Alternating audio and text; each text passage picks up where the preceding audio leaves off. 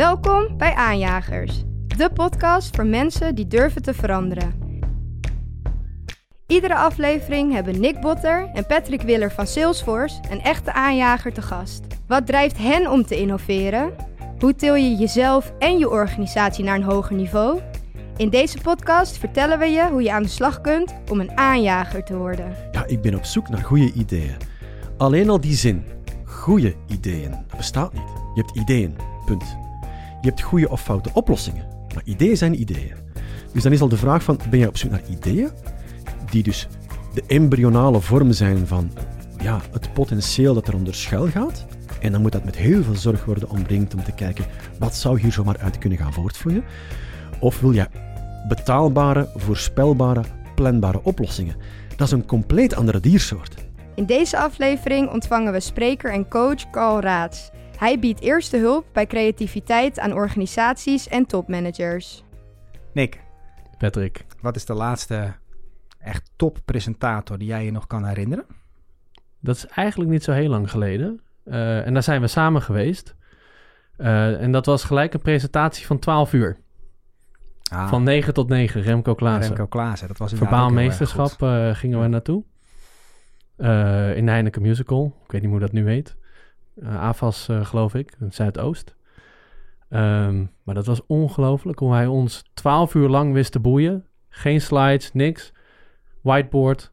En uh, we waren hoekt uh, van begin tot eind. Ja, dat is inderdaad uh, erg indrukwekkend. Ja. En Ik voor jou? Ja, ik heb ook nog een, dat was natuurlijk fantastisch, maar ik heb ook nog een andere ervaring. Twee maanden geleden ongeveer was ik op een congres van Mhm. uh, Design Thinking Academy. Mhm. Het was een redelijk klein, intiem congres. En uh, ze hadden hele uh, uiteenlopende sprekers daar. Er was een dame die vertelde over insecten. Ze hadden een uh, linguist die vertalingen deed, maar ook van gedichten vertalingen deed. Waren hele leuke keynotes. Maar op vrijdag kwam er iemand die ik niet kende. En uh, nou, je, hebt, je hebt gewoon goede sprekers. Je hebt ook slechte sprekers. Eigenlijk heel veel slechte sprekers vaak. En je hebt een paar die echt heel erg goed zijn. Maar wat je ook hebt, net als met artiesten, dingen moeten er bij elkaar komen. Juiste Hmm. punten tijd, juist publiek, uh, sterren Ja. zijn aligned.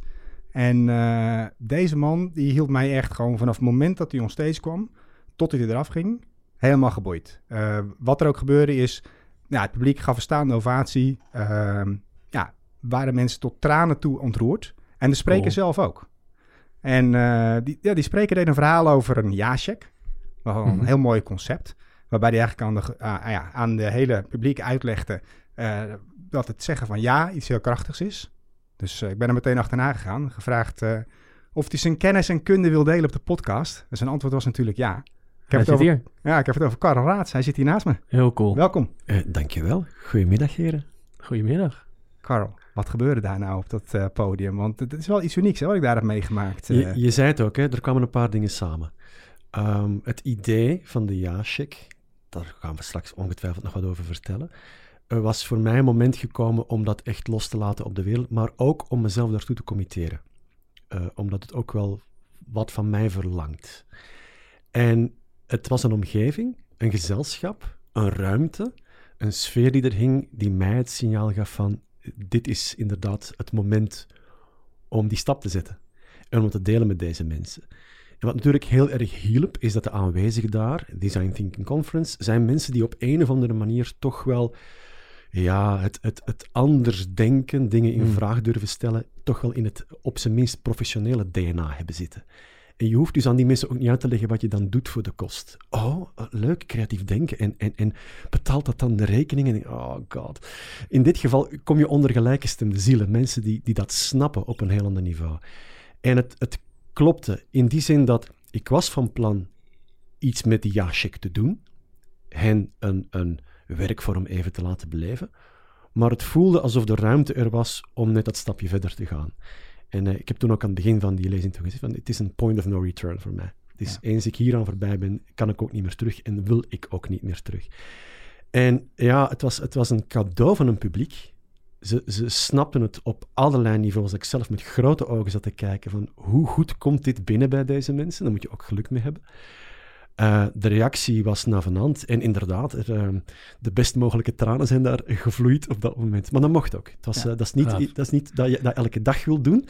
Ehm, eh, soms hoort het ook niet en soms hoort het wel. Hmm. En dat was zo'n moment. Ja. Maar had je dat van tevoren dan al zo verwacht? Of dacht je oh, aan de hand van de reactie van het publiek, ik ga net dat stapje verder?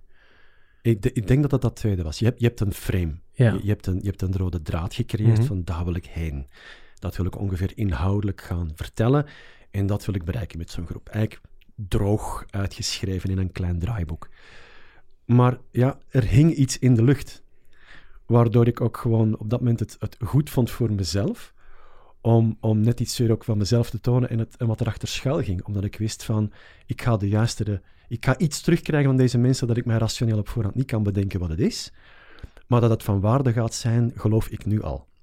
En ehm, dat, is, dat is een van de dingen die ik soms vertel aan, zeg eens, aspirantsprekers, die op dat moment heel, heel mooi tastbaar werd. En jullie hebben dat gezien, is soms hebben mensen die, die voor een microfoon komen te zitten, of, of voor een publiek, ah, ja, maar ik heb te weinig zelfvertrouwen. Ik, Hmm. ik, ik geloof niet echt in mezelf. En dan krijgen die het verschrikkelijkste advies. Wees gewoon jezelf. Ja. Nu moet je eens, dat moet je eens proberen. Gewoon Ja. voor, op een Mm. podium gaan staan voor 200 mensen en één minuut jezelf zijn. Dat, dat, je hebt geen idee waar je met je hand moet blijven. Je wordt er heel ongemakkelijk van. Eh, of geloof in jezelf. Dat is heel goed bedoeld, maar hoe werkt dat? Ja. Want dat werkt maar voor twee typen mensen. Degene die dat al doen Ja. En degene die hun Facebook-wall volhangen met van die zelfverheerlijkende spreuk, alles komt goed, om zichzelf diets te maken dat ze misschien wel vol zelfvertrouwen zit, zitten. Niemand gelooft dat, behalve zijzelf.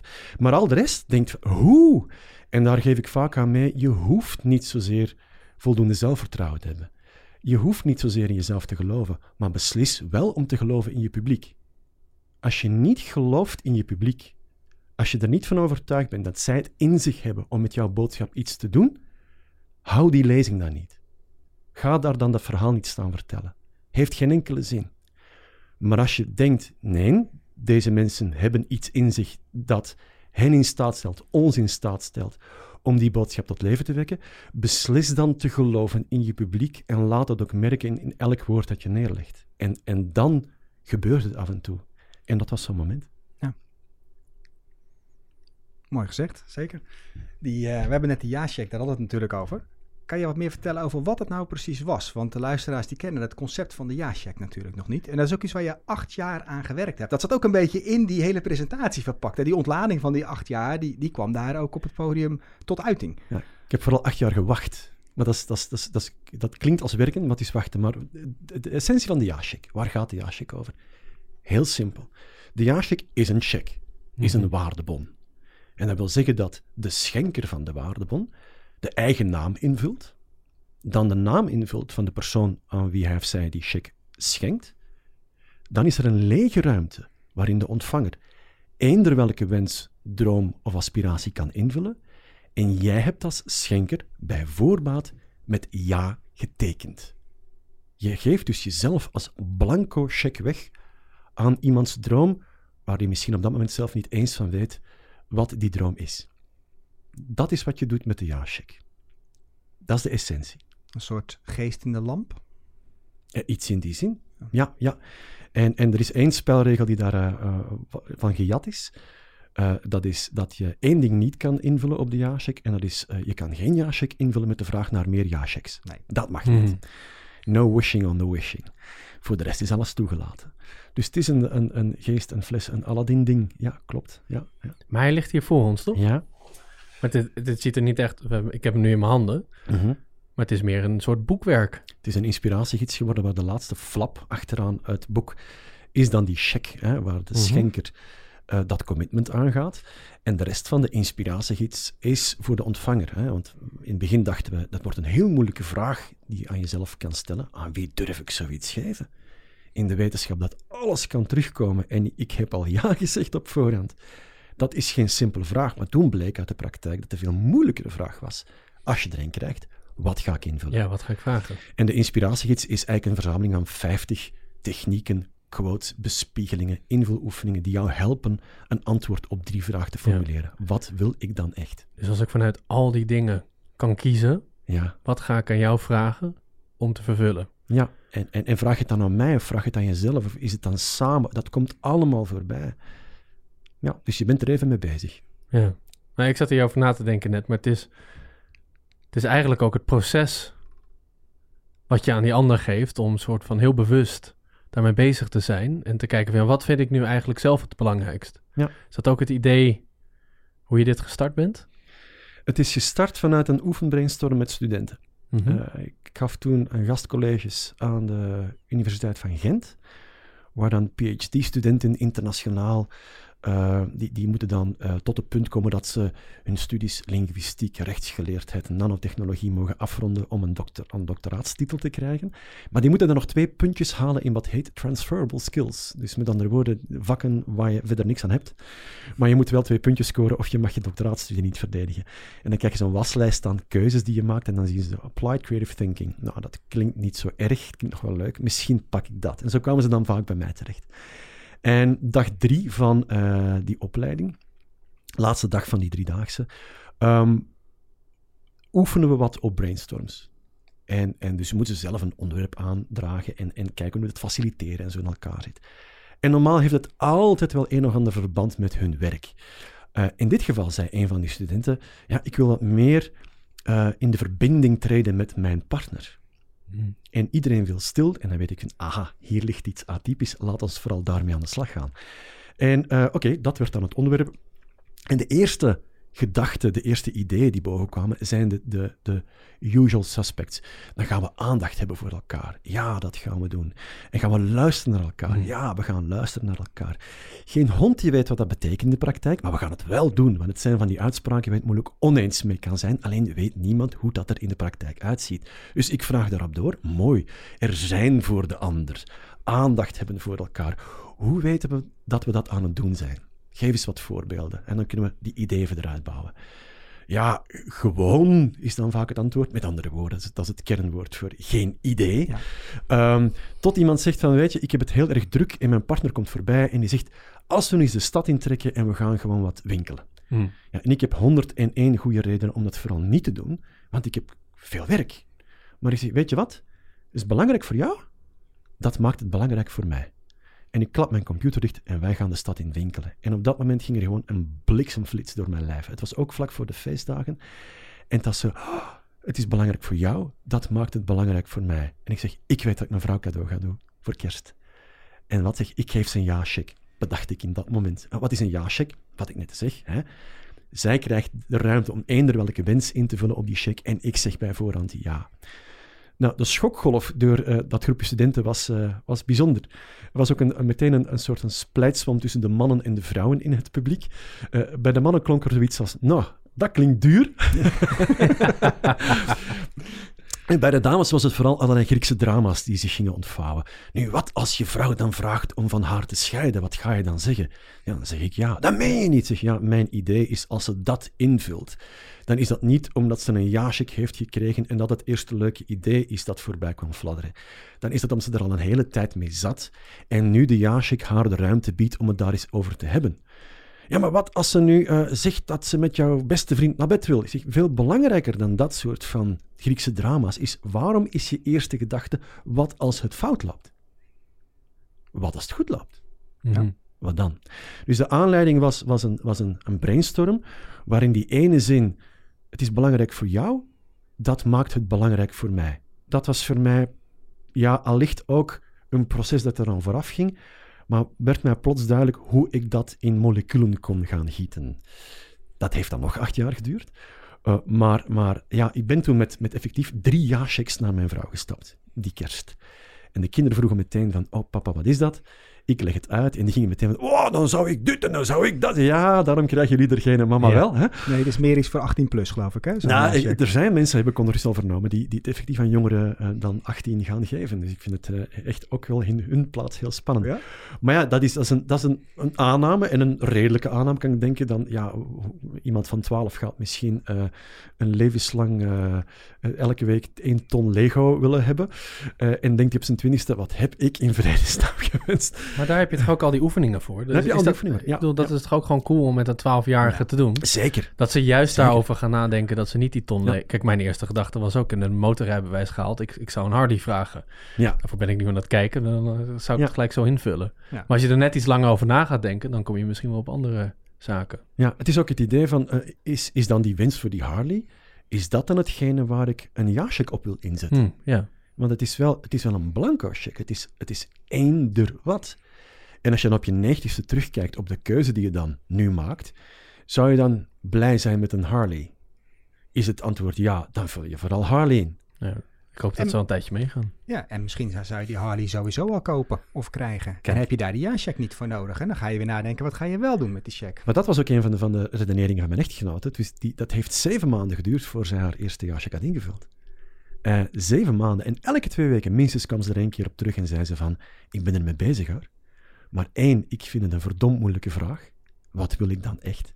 Twee, als ik dan iets denk van, oh, oh, ik heb iets, denk ik van, ja, maar is het dan niet iets waar die sowieso ja op gaat zeggen? Want als dat het geval is, ben ik een ja-check kwijt. Zo slim was het dan ook weer. En, en door het feit dat dat zeven maanden duurde, gaf dat voor mij wel het signaal, wacht, hier is meer aan de hand dan gewoon een, een, een leuk dingetje op papier. Eh, Het zit, zit inderdaad een heel erg eh, ja, diep proces in gang.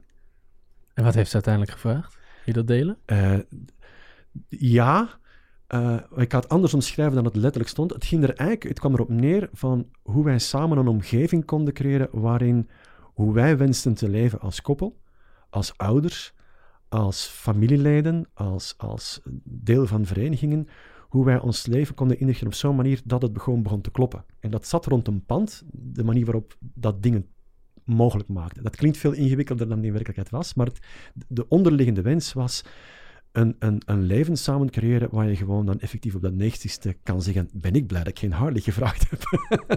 dus dat had heel veel te maken met de inrichting van ons persoonlijke leven en hoe wij als, eh, als koppel gewoon in het leven wilden staan. Gaaf.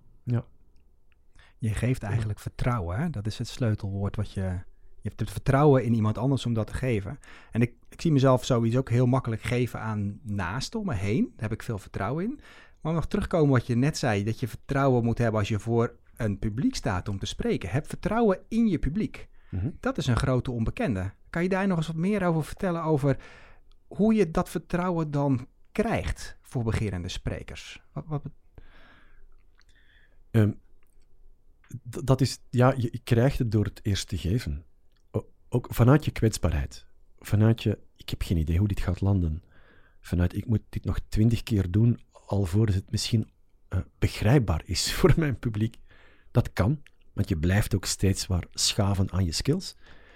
Ehm, maar die eerste stap, die zet je door te denken, is, is, is dit een goed publiek? Kunnen ze hier iets mee? En zo ja, ben je het eigenlijk aan dat publiek verplicht om dan ook die boodschap te geven? En dat blijft spannend. Maar je moet op zijn minst al niet vier jaar op de sofa om eerst over al je jeugdtrauma's heen te komen voor je een podium, podium op kan. Eh, en, en dus dat, en, en alleen al door die vraag te stellen, merk ik dat, dat mensen daar ook net iets makkelijker dan over zichzelf kunnen heen stappen. Het is vaak niet eens of ze voor een publiek durven staan, dan wel durf ik over mezelf heen stappen. En, en dat speelt ook. Het was, dat was een, een tijd geleden bij, hè, toen, dat nog mocht, TEDx-bijeenkomsten, Mhm. Ehm, zijn dat vaak eenmalige sprekers eh, die met het gewicht van TEDx op de schouders dan een verhaal moeten brengen. En een van, van eh, de dames daar zei van, ja, maar dat, dat overspoelt mij. Wat ik uit een zaal krijg, dat overspoelt mij dan zo. En ik, en ik wil dat helemaal niet. En ik kan er ook helemaal niet mee omgaan. En ze, ze hield echt de handen naar voren en duwde terug. En ik toen het beeld mee, maar stel, je, je staat in de branding aan zee. Hoe groot is de kans dat jij door je handen vooruit te steken die golf gaat tegenhouden? Ja, niet. Wat nu als je door die golf laat meenemen? Wat gebeurt er dan? Ja, dan zet hij me af aan het strand. Vaste grond onder de voeten. Ja, probeer dat eens. En dat was voor haar zo, oh, ik, ik hoef het dus niet allemaal onder de knie te hebben. Eh, De wetenschap dat bij een TEDx-publiek, maar ook de meeste publieken, tenzij het zou gaan over een tentamen, het publiek eigenlijk al lang beslist heeft dat ze aan jouw kant staan. Daar zit geen jury te wachten tot jij struikelt en jouw slechte punten kan geven. Zij hebben er alle belang bij dat jij succesvol bent. Dat jij een goed verhaal brengt. En dus hebben zij al beslist Zij om hebben ook jou al voor jou gekozen. Ja. Ze zijn daar gaan zitten in jouw publiek Ze zitten om niet 30 tegenover minuten jou. naar jou te luisteren. Ja, ze zitten niet tegenover jou. Hmm. Ze zitten Ja. fysiek tegenover jou, maar ze staan naast jou. Besef dat. Eh, ze zijn daar niet om jou te zien falen, want dan hebben ze net een half uur van hun leven verspeeld. Ja. En dat alleen al als wetenschap. Ze, Ze staan zitten niet tegenover jou, maar naast jou. Ja. Dat vind ik een mooie. En dat maakt het nog steeds spannend, maar, maar, maar net iets meer spannend als, een, als, als eh, achtbaan spannend. Oeh, ik ga het wel doen. Het is wel leuk dit. Ja, laat je meenemen. Ja. Laten we het even hebben over eh, creativiteit. Ja. Want eh, op jouw website eh, staat je kweekt en je spreekt het. Ja. Kan je eens wat meer vertellen over eh, creativiteit en wat je doet in jouw eh, executive engagement rondom eh, creativiteit? Wel, bij mij gaat op drie momenten de spreekwoordelijke telefoon. En, en dat is naar aanleiding van de vraag, meestal van een leidinggevende, ehm, mijn mensen zouden wat creatiever mogen zijn. Dat is één. Twee, we zouden wat motivatie kunnen gebruiken. Of drie, ik zou graag hebben dat mijn mensen meer eigenaarschap nemen van hun projecten of hun doelen. En dat is vaak de aanleiding waarom er dan een vraag komt. Ehm, de grap is dat je dat eigenlijk mag benaderen, die, die drie vraagstukken, zoals Caesar Millen een hond benadert. Ik weet niet of je hem kent, de hondenfluisteraar. Ja. Eh, wat hij allemaal met honden eh, doet, is fantastisch. Maar als je goed kijkt naar 100 afleveringen van Caesar Millen, hoe die met honden werkt, heeft hij in 99 van de 100 gevallen helemaal niet met de hond gewerkt, maar met het baasje. Met de baas. Ja. Ja. Eh, en dus de aanleiding is van mijn mensen moeten blijkbaar wat creatiever zijn, wat meer motivatie krijgen of meer eigenaarschap nemen. En vaak zit het gewoon in de dynamiek tussen de leidinggevende en die groep. Dat, dat beseft hij op dat moment nog niet, tenzij hij natuurlijk naar deze podcast luistert voor hij mij belt. Ehm, maar daar zit het hem vaak in. Nu, ehm, creativiteit zelf, dat is zo'n woord, hè? Want als, ik, als ik dat even mag terugkaatsen, eh, Mhm. Nick, wat begrijp jij onder creativiteit? Wat is dat voor jou? Oeh. Ehm, nieuwe dingen maken. Op een andere manier ergens naar kijken en daar eh, iets nieuws uit creëren. Mhm. Moet ik nog meer aanvullen? Nee, geen idee. Kun je Nee, ik dat- nee, prima, Patrick. Ja, een, een, een- een keuze maken ook. Focus ergens op. En dan langzaam je vaardigheden daarin trainen. In een flow komen. Eh, en dan inderdaad iets nieuws maken. Creativiteit is wel letterlijk iets nieuws genereren. Iets wat er nog niet is. Iets nuttig maken. Ehm, ja, geloven. Geloven in jezelf dat je dat, je dat ook kan. Eh, dat is denk ik ook een belangrijk stuk. Veel mensen, wij, wij, hebben natuurlijk ook veel met creativiteit te maken. Er komen veel mensen tegen die ja, net niet geloof hebben dat ze het kunnen. En als je net een zetje geeft, oh, kan dit wel? Net als dat je net vertelt over het presenteren. Dan Ja. kan er opeens heel veel. Dan een lokje, letterlijk. Creativiteit die er al zat. Ehm, ja, dat zijn de dingen die me opkomen. Over het flow, dat Mihaly-model vind ik wel echt een hele mooie. Je hebt bepaalde vaardigheden en uitdagingen die met elkaar in parallel moeten lopen. En als je continu de juiste stroom ertussen hebt, ja, dan kan je hele mooie dingen maken. Eh, bijvoorbeeld in muziek, eh, dan kan je wel in een, in, een- in een flow-stemming komen. En dan ben je echt creatief bezig. Kijk, als, als je... Maar het heeft er wel, te, het is wel, dan ga ik hem invullen voor je, maar het, het zijn vaak wel de voorwaarden waar een, bepaal, waar een voldaan moet worden. Het vertrouwen, wat je net zegt, die flow creëren, de tijd ervoor nemen, de focus hebben, Ja. om iets te kunnen creëren. Ja, dit zijn een beetje de randvoorwaarden om, om in die mood te kunnen komen, in die condities om creatief te kunnen zijn. Ja, je ziet, ik kan hier makkelijk van tussenuit gaan en jullie komen de, de komende drie uur gewoon daarover praten. Ja. Dat is, dat, dat, dat, dat, dat is wat creativiteit ook doet bij mensen. Hmm. Iedereen eh, vindt het belangrijk, want vraag aan een doorsnee zaal van ondernemers van nou, wie vindt creativiteit als skill belangrijk, dan gaan al die handen de lucht in. Ja. En, dan, en dan vraag je, maar wat is het precies? En, dan- ja, het is een beetje zoals verliefd zijn. Je kan er allerlei boeken over lezen en, en dan kijken wat er biochemisch aan de hand is en groepsdynamisch, et cetera. Maar op het moment dat je verliefd bent, hoeft niemand jou dat te vertellen. Dan, dan weet je dat, omdat je allicht niks meer weet. En wat is dit met mij? Ja? Sinds een dag of twee. Dat gevoel. Mhm. En hetzelfde is een beetje met creativiteit. Maar om het wat tastbaarder te maken, op de eigen website eh, denk ik dat ik meer dan 60 definities heb staan. Wat vooral dus bewijst dat niemand echt weet wat het is, maar het, het, het nodigt wel uit tot poëzie, blijkbaar. Er zijn een paar benaderingen die voor mij het, het inzichtelijk en bruikbaar maken. En, en je noemde al een paar zaken, Patrick, eh, die in de meest gangbare def- werkdefinitie, eh, omschrijving passen. Het is iets nieuw, maar nieuw voor jou. Mhm. Jij kende het Ja. nog niet. Ja? Twee, het is nuttig op een of andere manier. Het, het lost iets op, het brengt iets, maar ook het heeft navolging. Wat ik bedoel daarmee, nieuw is eigenlijk vrij makkelijk. Eh, je gooit een paar dingen bij elkaar, waar je denkt, oh grappig, dit is nieuw, Eh, dat is snel. Maar dan zit je naar te kijken, ja, maar wat doet het dan precies? En, en wie, wie is hiermee geholpen? Dat is nuttig. Je moet het eigenlijk dus een tweede keer gaan uitvinden. En iets nuttig maken is veel moeilijker dan iets nieuws bedenken. Maar dan ben je nog niet klaar. Dan moet het nog navolging krijgen. Dan moet het nog aanvaard worden door diegenen voor wie het bedoeld is.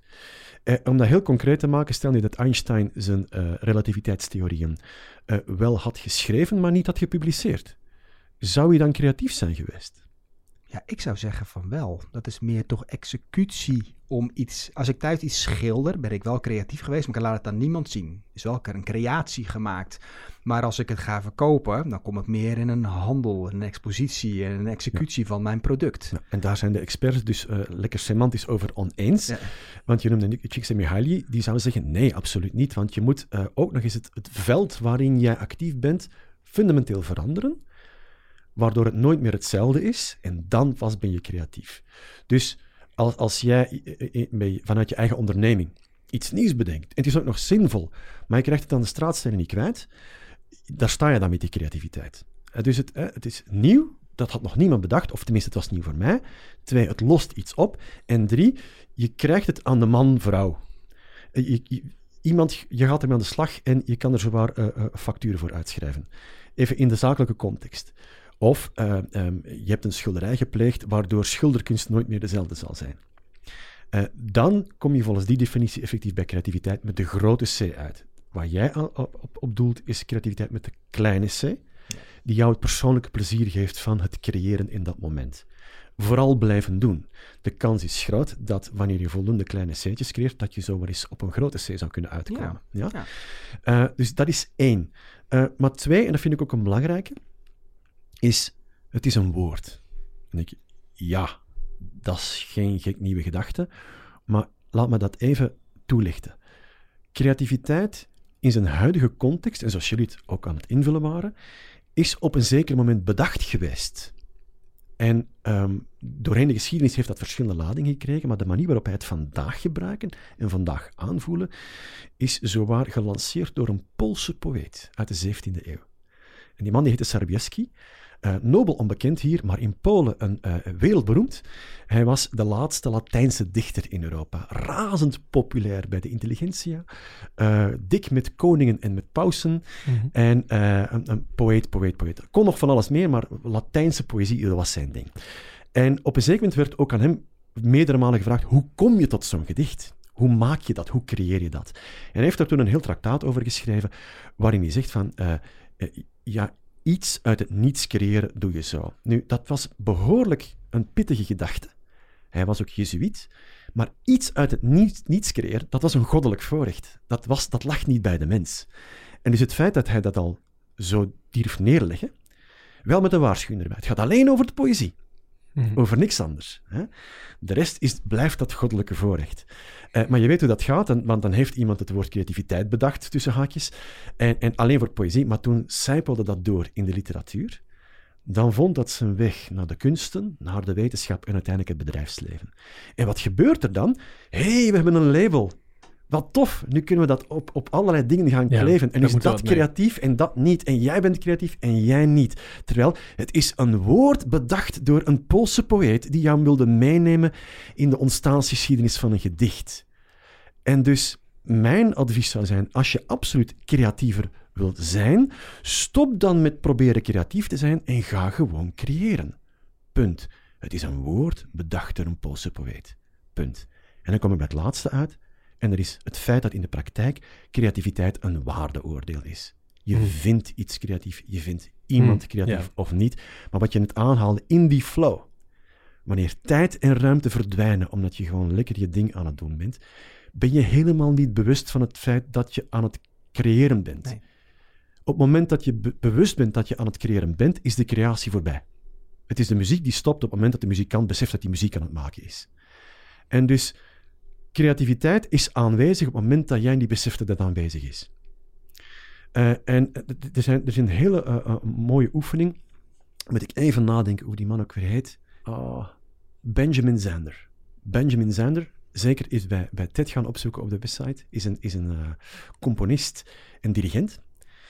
En die, die bedacht op een zeker moment een oefening, want hij geeft dan componeren aan gevorderden. En die komen bij hem de klas binnen en hij zegt, die krijgen meteen allemaal een A van mij, want ik werk alleen maar met A-studenten. Dan is dat al opgelost. Twee, ik, ik geef ze een opdracht. En die opdracht luidt van, oké, tussen nu en een maand schrijf jij een muziekstuk van 20 minuten en een half uur, maar niet zomaar een muziekstuk, een muziekstuk waar je van houdt. Complete paniek bij die mensen die al heel goed zijn in muziek maken. Maar dat kan ik niet, vandaar dat ik bij jou kom. En zeg maar, wacht. Paar dingen. Je creëert tijd en ruimte om dat te doen, elke dag een uur in dat lokaal, zodat niemand je stoort. Je creëert echt die, die bubbel waarin dat kan. Eh, En twee, heel belangrijk, het eerste kwartier schrijf jij, creëer jij de slechtste muziek die je ooit gemaakt hebt. En dan krijgt hij van die blikken, ja, maar dat is net mijn probleem, daar wil ik eigenlijk vanaf. Ja, maar zo start je dus elke keer. En wat blijkt na verloop van tijd, degene die dat een eerlijke kans geven, is dat die, oké, die, we beginnen, we beginnen. En het begint een lelijk, verschrikkelijke muziek en nog half regen. Hey, een deuntje. Hey, een deun. Nee, mag niet. Ik moet nog 8,5 minuut eh, onzin schrijven. Maar dat deuntje zit nu in je achterhoofd. En het blijft knagen. Wat hij doet in die oefening, heel briljant, hij neemt de druk weg om iets creatiefs te maken. Om dat waardeoordeel eraan Ja. vast te laten zitten. Om iets briljants te hebben. Om iets waarin iedereen de staande ovatie en oh, wat ben jij geweldig. Dat neemt hij weg.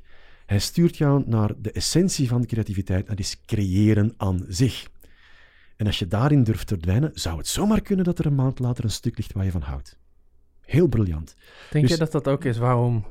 Ik vind het een geweldig verhaal, want wij hebben het heel vaak, ook in deze podcast, eh, over je moet gewoon gaan doen. Ja. Maar er is iets wat mensen tegenhoudt, soms om gewoon te beginnen en te gaan doen. En waarschijnlijk omdat ze denken dat ze aan een bepaalde drempel moeten, eerst moeten hebben voordat ze iets kunnen doen. Terwijl hier, ja, het maakt niet uit. Ga gewoon lekker bezig. Ga, maakt niet uit of het slecht is. En zeker binnen een bedrijf nog, hè? Als Ja. Dus nu dit voorbeeld Nou ja, daar wilde ik naartoe. ja. Ja. Want daar wilde ik doen. Want je begon ermee met die managers die jou die vraag stellen. Ja. Kun je dat vertalen daar? Want je zegt ook, weet je, je hebt de tijd en ruimte nodig. Je hebt kleine C's en grote C's. Ja. Ehm, ik, kan, ik weet ook heel veel managers eh, die ik ook in mijn carrière ben tegengekomen, die helemaal niet willen dat je, die zeggen het wel, maar die willen helemaal niet dat je creatief bent. Want je hebt namelijk processen waar je aan moet houden. En we hebben Lean Six Sigma. En daar ben je een black belt in en daar moet je je vooral lekker aan houden. Eh, dus, dus ik wil wel creatief, maar wel binnen wat wij zeggen dat het proces is. Ja. Dus hoe ga je daarmee om? Hoe, vertalen, hoe vertaal je dit naar die manager toe die bij jou komt? de, de, de voorbeeld die je aanhaalt, daar al een eerlijk gesprek over kunnen hebben. Ja, ik ben op zoek naar goede ideeën. Alleen al die zin, goede ideeën, Ja. dat bestaat niet. Je hebt ideeën, Hm. punt. Je hebt goede of foute oplossingen. Maar ideeën zijn ideeën. Dus dan is al de vraag van, ben je op zoek naar ideeën die dus de embryonale vorm zijn van ja, het potentieel dat eronder schuil gaat? Hm. En dan moet dat met heel veel zorg worden omringd om te kijken, wat zou hier zomaar uit kunnen gaan voortvloeien? Of wil je betaalbare, voorspelbare, planbare oplossingen? Dat is een compleet andere diersoort. Dus als je een vraag stelt aan je mensen, en zo begint het vaak, hè, dit, is een probleem en, en eh, we komen allemaal met elkaar en nu mogen we creatief zijn, nu wordt Ja. dat gedoogd. Oké, heeft er iemand ideeën? Wordt dan wel eens gebezigd als vraag. De meest miserabele vraag ooit door de mensheid bedacht. Hè? Want hoeveel ideeën komen er zo over tafel fladderen als die vraag wordt gesteld? Nou, in, in, in jullie ervaring. Hoeveel ideeën denk je? Als die vraag wordt gesteld, iedereen heeft er dicht. iemand ideeën? Iedereen klapt dicht. Dat, is, dat is wat je heel veel ziet, ja. Zijn we dan intellectueel niet in staat om daar ideeën te bedenken? Natuurlijk wel, maar Nee. er is iets met die vraag. De meeste mensen durven het niet altijd te zeggen in Ja. een grote groep. En als meeste, want dat merkt wel vaak, dan is het stil. En op een gegeven moment komt er iemand en dan komt de volgende. En op een gegeven moment heb je een stortvloed aan ideeën. Ja, wat er, wat er in mijn ervaring vaak gebeurt, is dan, dan zegt één iemand, en wie zegt dat dan? De nieuwe, en dan doet hij dat nooit meer. Ah, Ja? Nee, dat doen we niet. Ah, iemand anders? Mm, mm, mm, Ja? Dus de persoon die vraagt, heeft er iemand idee? Vraagt geen idee. Die vraagt kant-en-klare oplossingen. En wat ik merk bij veel leidinggevenden, is dat zij tussen hamer en aanbeeld zitten. Ze snappen dat de oude manier van werken niet werkt. Zuiver aansturen, ik heb het antwoord. En de manier om op mijn plek terecht te komen is er ook achter komen wat het juiste antwoord is. Maar er is zoveel in beweging, het verandert alle minuut, dat het juiste antwoord hebben, degene die dat beweert, liegt of heeft geen idee waarover hij het heeft. Ja? Mhm. Dus ze snappen dat er, er moet iets veel organischer ontstaan vanuit de opgetelde onwetendheid van mijn eigen mens. Ja? Maar ik wil dat ook controleren. Du- du- Dus, dus wat doen ze dan? Ze willen zich omringen met hele creatieve, eigenzinnige, welbespraakte mensen die het op hun compleet eigen manier met hen eens zijn. En, en dat is een spreidstand waar je natuurlijk niks mee kan. Maar gewoon al één, dat eerlijke gesprek hebben. Wat wil je nu echt? Beetje jaarcheck ding eigenlijk. Wat wil je nu echt? Wil jij ideeën of oplossingen? Ja, eigenlijk oplossingen. Hoe gaan we daar aan komen? En dan kan een idee misschien even speeltijd en ruimte krijgen. Dus, dus dat alleen al gaan opsplitsen. Hebben we het over ideeën of hebben we het over oplossingen? Dat alleen al. En voor alle duidelijkheid, binnen de kaders van een Six Sigma, eh, Six Sigma of een Lean of een Agile of wat dan ook, eh, is, is- is er ruimte genoeg om creatief te zijn. Het goede aan, aan dat soort van systemen is dat er een, een gemeenschappelijk, eh, gemeenschappelijke woordenschat bestaat. Mhm. Dat, dat we een bepaald kader hebben waarin we kunnen eh, gaan creëren. En kaders zijn helemaal oké om creatief te zijn. Een van de grote misverstanden is dat moet alle vrijheid krijgen en alle budget en alle tijd. Onzin. Totale onzin. Op het moment dat het moeilijk is en lastig en beperkt, dan wordt onze creativiteit geprikkeld. Ik heb heel lang bij Air France KLM gewerkt. Ja? Waar iedereen lekker van die sessies ging houden. En dan vroeg ik, nou, wat heb je nou eigenlijk eraan gehad? En we hebben lekker met elkaar stickertjes geplakt. Ja. Eh, zo zijn er heel veel bedrijven waar ik dit nog steeds hoor. Ja. Dat zijn eigenlijk de C's met de kleine zee. Niet eens, hè? Dat is het- gewoon... Ja, het, het is het idee van, van eh, eh, als, ik, als ik een marathon wil lopen, moet ik ook op mijn voeding letten. En vitamine C, ik, dat, dat, dat, vitamine C, moet belangrijk. Dus, dus mensen verwarren, eh, als ik een vitamine C-pil neem, dan kan ik de marathon uitlopen. En nee, er komt net iets meer bij kijken. Hm. Maar zo wordt er eigenlijk wel naar brainstorms gekeken. Wij willen een creatieve organisatie zijn. Laat ons met regelmaat eens een brainstorm houden. Ja. En in de feite wat er dan gebeurt, is dat de enige reden waarom je een brainstorm houdt, is om, om, om de resultaten van de vorige brainstorm levend te begraven. En ons het Ja. idee aan te praten dat we effectief wel een inbreng hebben en creatief zijn met elkaar, terwijl dat absoluut niet het geval is. Het was op- op YouTube, als je jou googelt, dan kom je op een YouTube-filmpje. Ik geloof twee minuten is die, waarin je allemaal ach- uitspraken achter elkaar zet. Eh, ik geloof niet in alle neuzen dezelfde kant op. Iets met bloedneuzen daarna. Eh, en, en eentje daarvan was, eh, als je met drie andere mensen in een meeting zit en jij zegt iets en die andere drie knikken, dan zit je in de verkeerde meeting. Dus dan hebben ze niks te zoeken in die meeting. Dan had je net een mail kunnen sturen. Ja. Als je enkel maar knikkende signalen wil van ja, klopt, stuur dan een mail, maar doe geen meeting. Je bent op zoek naar de tegenwind, naar de andere blik, naar het alternatief, naar hoe kijk jij ernaar. En vandaar ook die, die, die neuzen- en die bloedneuzenopmerking. Eh, er wordt vaak gezegd, we willen de neuzen in dezelfde richting. Hmm. Wat eigenlijk gewoon een flauw voorwendsel is voor koppendichten mijn kant uitwandelen. Nee, je wil bloedneuzen in dezelfde richting. Wij moeten met elkaar over de grond kunnen rollen in ons eh, oneens zijn over iets op taakniveau. Maar wij zijn oké met elkaar. Ja? En achteraf kunnen we er een biertje op drinken en zeggen, dat was een gave meeting. Ja? Eh, en dus, dus als er effectief een meeting is van vier mensen, één spreekt, drie knikken ja, zitten er drie mensen te veel in die meeting. Er is, om dat, om dat of heel concreet te maken, is een, een, een collega-ondernemer. En als die mensen in dienst neemt, zegt hij, ehm, je bent goed. Hm. Anders was je geen deel geworden van dit team. Dus dat die strijd heb je al gewonnen. Maar wat ik van jou nodig heb, we spreken in de Vlaamse context, het is niet onbelangrijk dat je dat weet. Mhm. Wat ik van jou nodig heb, is de komende zes weken als training ben jij het twee keer per week publiek met mij oneens. En dan zie je gewoon die persoon beginnen zweten uit het podium waarvan hij niet wist dat hij ze had. En, ah, het en plein publiek oneens zijn met de baas. Ja, en hij vindt dat heel belangrijk als leidinggever. Die zegt van, kijk, ik ben al zoveel jaren in dit vak. Ik wil vermijden dat ik verliefd word op mijn eigen echo. Ja, dat is één. Twee, die mensen hebben iets te vertellen, anders zaten ze hier niet. Ik moet dat horen. Mhm. Ik moet dat blijven horen. Dus ik geef ik hen de opdracht van, doe dat. En zo hou ik ook zelf de pootjes op de grond. Ja, nou, dat, is, dat is eentje die ik nu ook eh mee ga nemen. Super goede tip. Als je dat, want je begeleidt eh, managers, want die bellen jou, dat zei je net.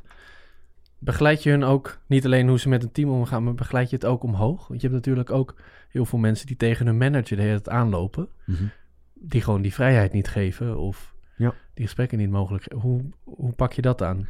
Dus je hebt een idee, de- je komt er maar niet doorheen. Ja, er zijn, eh, dat is natuurlijk... Elke vraag die binnenkomt is zo uniek als de vraagsteller. Dus verdient hij ook een uniek antwoord. Maar om daar in, in grote lijn op te kunnen Mhm. antwoorden, zou ik zeggen, er zijn vier B's waar die persoon naar kan kijken. Ehm, dat is, als ik een idee ga verkopen, is de ander betrokken? Voelt hij zich betrokken? Ligt hij er ook mee van wakker? Twee, is hij bereid er iets aan te doen? Want je kan wel hebben, iemand hebben die wakker ligt van iets, maar helemaal niet bereid is om mee aan de kar te trekken. Dat is iets anders. Ja? Dan heb je bekwaam. Is dit de juiste persoon met de juiste skills om voor elkaar te krijgen wat we willen voor elkaar krijgen? Of, of maakt dit alleen maar erger? Ja. En vier, is, is hij of zij bevoegd? Kan de handtekening komen die dit formaliseert? En in de praktijk zitten die vier al eens over eh, verschillende personen verspreid. En die rollen wisselen al naar gelang welk deel van je proces je zit. En hoe sta je er zelf in? Dus wie is betrokken, wie is bereid, wie is bekwaam en wie is bevoegd. En dan kan je ook bij jezelf te raden gaan. Er zijn, er zijn een paar houdingen die je kan aannemen. Eerst en vooral, als het niet lukt, ik kom er niet doorheen, dan is de eerste plek waar je gaat kijken in de spiegel. Is er iets dat ik kan bijleren, afleren, veranderen, eh, aanvullen bij mezelf, waardoor ik toch misschien die meter kan maken waar ik nu niet in slaag? Dat is één. En dat is in principe de persoon aan wie je geen toestemming hoeft te vragen om dat te gaan doen. Eh, twee, de omgeving. Misschien ligt de omgeving in de weg. En de omgeving kan zijn, stel, Patrick is mijn leidinggevende, het lukt maar niet om een idee aan elkaar gecommuniceerd te krijgen. Maar op het moment dat ik merk dat er geen hiërarchie tussen ons zit, kunnen wij ongelooflijk leuk met elkaar samenwerken. Ja, misschien moet ik dus de omgeving veranderen en op een positie terechtkomen in die ploeg, waardoor wij geen eh, afhankelijkheidspositie meer hebben, maar gewoon als collega's, als evenknie aan iets kunnen werken. Misschien is dat wat nodig is om dat idee toch tot wasdom te laten komen. Dus één, persoon, ik. Twee, de omgeving. Drie, ik heb er vrede mee. Het is oké. Ik kom er niet doorheen. Dat mag. Het is oké. En er oké mee zijn is niet, ik ben er oké mee. Ja, dat is echt, je, bent er, je hebt er echt vrede Je mee. hebt tevreden. Ja? Eh, en vier, ga weg. Mhm. Zoek een ander, eh, een ander project, een andere afdeling, Mhm. een ander bedrijf. De neiging om na heel veel frustratie meteen dat laatste te doen is groot. Maar ik kan je nu al op een briefje geven. Dan neem je al je shit die je eigenlijk had moeten doorstaan en doorleven en lessen uitleren, gewoon mee naar de volgende plek. De juiste volgorde is eerst ik, omgeving, kan ik er vrede mee hebben. En dan pas ga je weg. Niet andersom. Ik hoorde van, eh, echt super tip trouwens. Ik, heb, ik hoorde van Patrick dat je, je hebt ook een nieuw woord geleerd hè, van Carl. Ik heb zeker een eh, nieuw woord geleerd. Pronoia. Ah. Het tegenovergestelde van paranoia. Ja. Dat vind ik al heel fascinerend. Dat Ja. je, inderdaad, eh, je vertelde net dat het woord creativiteit uit een bepaalde periode kwam en zijn stempel heeft gedrukt. Dit is volgens mij een nieuw opkomend woord. Gaat ook weer zijn stempel drukken. Geeft je een heel ander brede perspectief van wat eigenlijk tegenover paranoia kan staan. Vertel er eens wat meer over. Maar Paranoia, eh, dat, dat eile vreemde onderhuidse gevoel alsof er een grote samenzwering bestaat die erop gericht is jouw stokken in de wielen te steken. Ja. En soms heb je van die dagen. Ja. Weken, Dat jouw baas, maanden, jouw baas is loopbanen. bezig om Ja. jou te dwarsbomen. Ja. Maar je hebt soms van die momenten, en dat gebeurt, en dat mag ook wel. Wat, waar weinig mensen eh, weet van hebben, is inderdaad een relatief nieuw woord. Ik denk dat het in de jaren 70 ergens is komen opduiken. Eh, als een pathologie, voor alle duidelijkheid, maar we zijn het anders gaan gebruiken, is pronoia. De kosmische tegenpool van paranoia. Het eile vreemde, gekke gevoel alsof er een grote samenzwering zou bestaan die erop gericht is jou te helpen. Stel dat dat aan de hand zou zijn. En dat je wordt wakker en de eerste persoon die je ziet zegt iets, doet iets, waardoor jij gewoon net iets meer in je kracht kan komen staan. Je, je lekkerder voelt, je meer gesterkt voelt. Bedankt. En datzelfde gebeurt aan de keukentafel en op het openbaar vervoer en, en de conciërge wanneer je binnenkomt en je collega en je klant. En iedereen zit mee in het complot alsof er een grote Truman Show aan de gang is, waarin de regisseur iedereen heeft gebriefd van zo moet je reageren op die persoon. En alles is op gericht om jou te helpen. Hoe voel je je na een dag? Wat ben je aan het doen na een week? Wat heb je bereikt na een maand? En hoezeer zou jij ook bereid zijn dat mogelijk te maken voor anderen na verloop van tijd? En dan is mijn vraag, wat let ons om er zo te gaan instaan? Dat je niet vraagt van, hoe krijg ik de ander mee, zodat hij mijn idee aanvaardt? Mhm. Nee, wie kan ik zijn in dit moment, zodat jij tot je recht kan komen? Wat uiteindelijk de basisvraag is van elke zichzelf respecterende manager. Wie kan ik zijn in dit moment, zodat jij tot je recht kan komen? Maar dus ook voor een medewerker. Ook, Bij die opsomming van vier Ja. die je net noemde, die persoon die zichzelf in de spiegel moet kijken. Ja. Wat kan ik nou anders doen om Juist. die relatie te verbeteren en samen creativiteit op te wekken? En niet altijd maar de manager te zien als de blokkerende factor. Ja, klopt. Ja, dus, dus, dus wat, wat heeft die manager van jou nodig om open te bloeien en dus ook weer dienstbaar te zijn aan waar jullie samen voor staan? Ja. Ehm, en niet in de manipulerende zin, hè? Hoe krijg ik ze zover? Ja. Eh, nee, het is echt, echt oprecht, authentiek. Wie kan ik zijn in dit moment voor jou?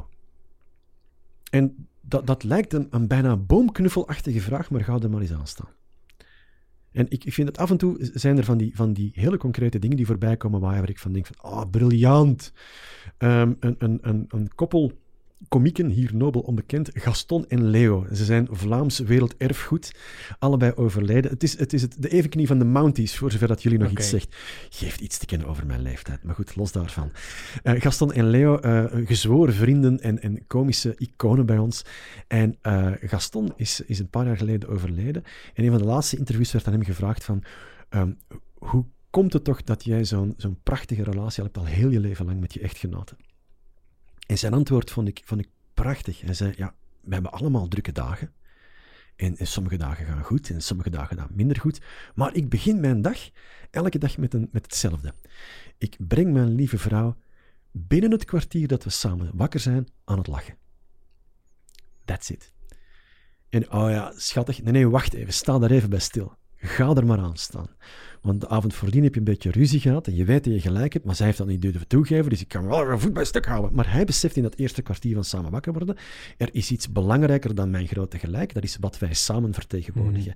En ik investeer mezelf erin dat ik jou aan het lachen breng binnen het kwartier.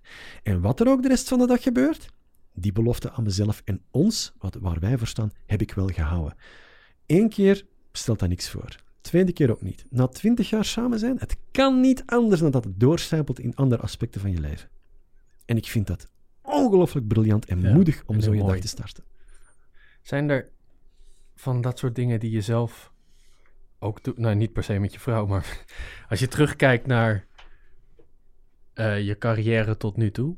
eh, ik zal het niet over je leeftijd hebben, want dat uh, je net zelf ook al over.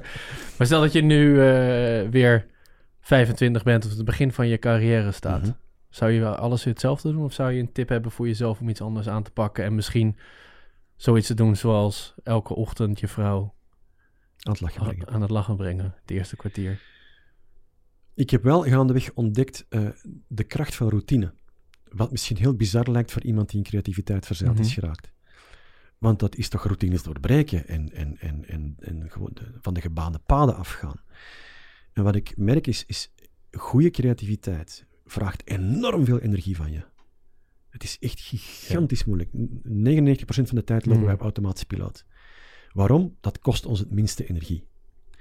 Eh, dingen opnieuw gaan bedenken, anders gaan handelen, dat kost enorm veel energie. En ik haal energie uit routine. Als in, zorg voor jezelf. Dus hoe mijn dag er op dit moment uitziet, is het eerste uur spendeer ik eh, aan mijn eigen onderhoud. Dat wil zeggen gaan hardlopen, eh, goed koud douchen, ademhalingsoefeningen, eh, goed stretchen en fris en monter aan die dag starten. Eh, goed voorzien in, in wat, wat eet ik wat eet ik niet, als, als een soort van ritme dat in die dag komt, maar ook omgevingsfactoren die maken dat ik mentaal optimaal kan presteren. En dat heb ik te laat tussen haakjes ontdekt. Eh, want ik dacht, nee, alle routine moet doorbroken worden. Alles, Ja. alles moet overnieuw. Nee, dat, dat, dat, is, dat is spielerij omwille van een spielerij. Heb je niks aan. Dus, dus ook van die adviezen van als je creatiever wil zijn op je kantoor, dan moet je eens veranderen van kleur van pennen of je gaat op een andere plek zitten. Dat is gewoon om de verveling te doorbreken. Dat is iets heel anders.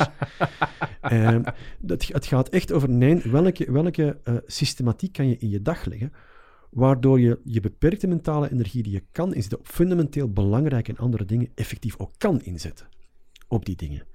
En dat zou ik misschien eerder gaan omarmen. Ik merk gewoon, als ik mezelf goed verzorg, Mm. het ritme van een dag, goed bewegen, goed eten, ehm, ben- bijna, ja, zeg het eens, bijna autistisch er een schema op nahouden. Hoe bevrijdend dat is en hoeveel veel meer mentale energie er vrijkomt bij mij. Ja, Deze podcast zat super vol met wa- waardevolle tips, eh Co. Ja. ja. super bedankt. Ja. Ehm, bedankt. Goede persoonlijke tips, ook voor wat mensen eh, gewoon heel concreet kunnen doen. En eh, ja, er zijn nog een aantal dingen die me echt bijblijven. Ja, eentje die ik wel graag meegeef is, is, je hoort heel vaak met zeker loze, gekke, vreemde woorden als creativiteit, Ja, dat die in een kreet zitten. ja, De uitdaging is, maak van je kreet een concreet. ja. Hoe ziet dat eruit als ik dat morgen aan het doen ben? Ga van creatief naar creëren. Ik ga van creatief naar creëren. Creëer Minder, ab- iets. minder abstractie eigenlijk. Hè? Ja. Minder abstract. Ja. Ga- iets doen. Ja, maar, ja, maar eh, die gaan do- doen en ik durf niet. Nee, dat is je ego dat praat. Je wil erkenning, je wil applaus, je wil succes. Dat is iets anders. Creëer. Maak van je kreet een concreet. Ga gewoon doen. En daaruit voelt iets voort wat iemand misschien als creatief wil bestempelen. Maar dat ligt bij hen, niet bij jou. Geweldig. Dankjewel. Bedankt voor je komst, Karel. Graag gedaan. In de volgende aflevering is Casper Brandy Petersen onze gast. Hij is de oprichter van succesvolle start-ups als Cloakroom en LabFresh. Ga voor meer verhalen van aanjagers naar salesforce.com/aanjagers.